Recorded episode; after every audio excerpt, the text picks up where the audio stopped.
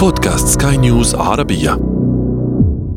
أهلا بكم إلى هذا أنا الذي يسلط الضوء على شخصيات تركت بصماتها عبر التاريخ. يأتيكم عبر منصة سكاي نيوز عربية على أبل، جوجل وسبوتيفاي. معي أنا آمال شابة هذا أنا هذا أنا هذا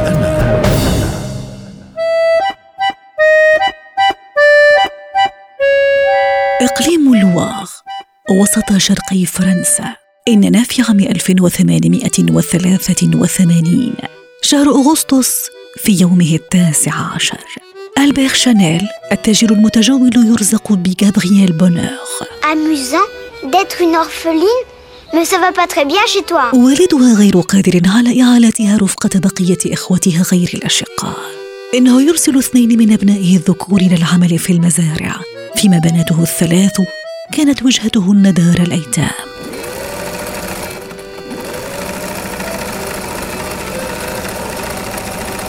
في دار الأيتام جابرييل بونور تتعلم الخياطة في عمر الثمانية عشرة جابرييل بونور تترك دار الأيتام قبل أن تتجه إلى الغناء في ملهى ليلي يرتده الضباط الفرنسيون.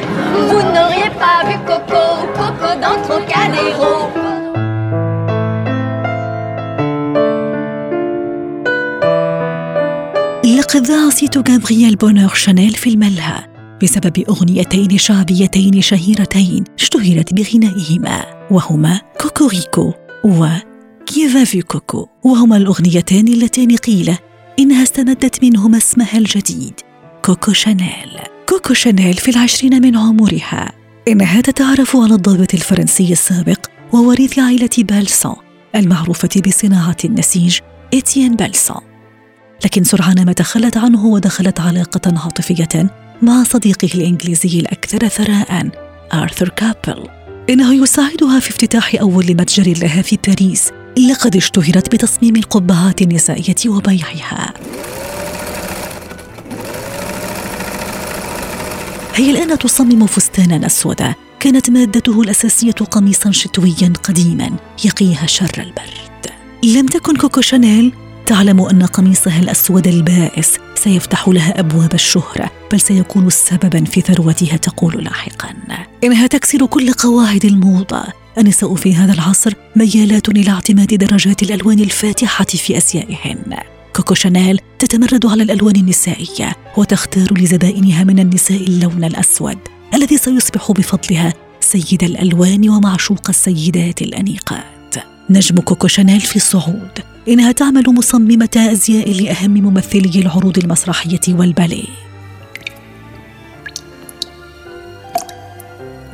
كوكو تطلب من خبير العطور إرنست بو ابتكار عطر ليس ككل العطور وهو العطر الذي اعتبر من بين أحد العطور الأكثر مبيعا في التاريخ Sous le ciel de Paris s'envole une chanson.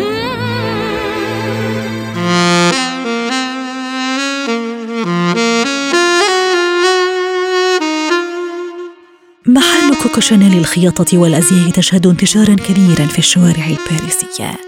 ملابس قبعات إكسسوارات حقائب مجوهرات وعطور. إنها مقصد المرأة العصرية.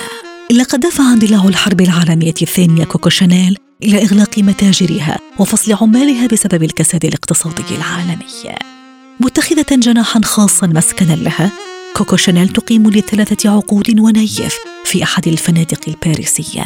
تخللتها فترة انتقلت فيها كوكو شانيل إلى سويسرا بعد اتهامها بالعمل لصالح النازية كوكو شانيل أو العميلة F 7124 هي أيضا ويستمنستر إنه لقبها الذي قيل إن عشيقها العميل الألماني هانز فون دينكلاغ هو من منحها إياه وهو الذي قيل أيضا إنه أدار علاقة شانيل بالمسؤولين النازيين في باريس وبرلين في مقر إقامتها بالفندق الباريسي. إننا في العاشر من يناير عام 1971 بعد طول غياب كوكو شانيل تستعد لوضع اللباسات الأخيرة لمجموعة أزيائها الجديدة التي ستعرضها بعد أسبوعين. لقد فرغت للتو من رياضة المشي كعادتها يوميا. مرتدية أجمل أزيائها تستلقي كوكو شانيل على السرير. هامسة في أذن خادمتها قالت كوكو شانيل. كما ترين هكذا تموتين. في عمر ثمانية وثمانين عاما ترحل أيقونة الموضة عن هذا العالم. هذا أنا هذا أنا. نهاية هذه الحلقة من هذا أنا. استمعتم إليها عبر منصة سكاي نيوز عربية على أبل، جوجل وسبوتيفاي ولنا لقاء. تقبلوا تحياتي. أنا آمال شابة في الإعداد والتقديم وتحيات المخرج يحيى جلال.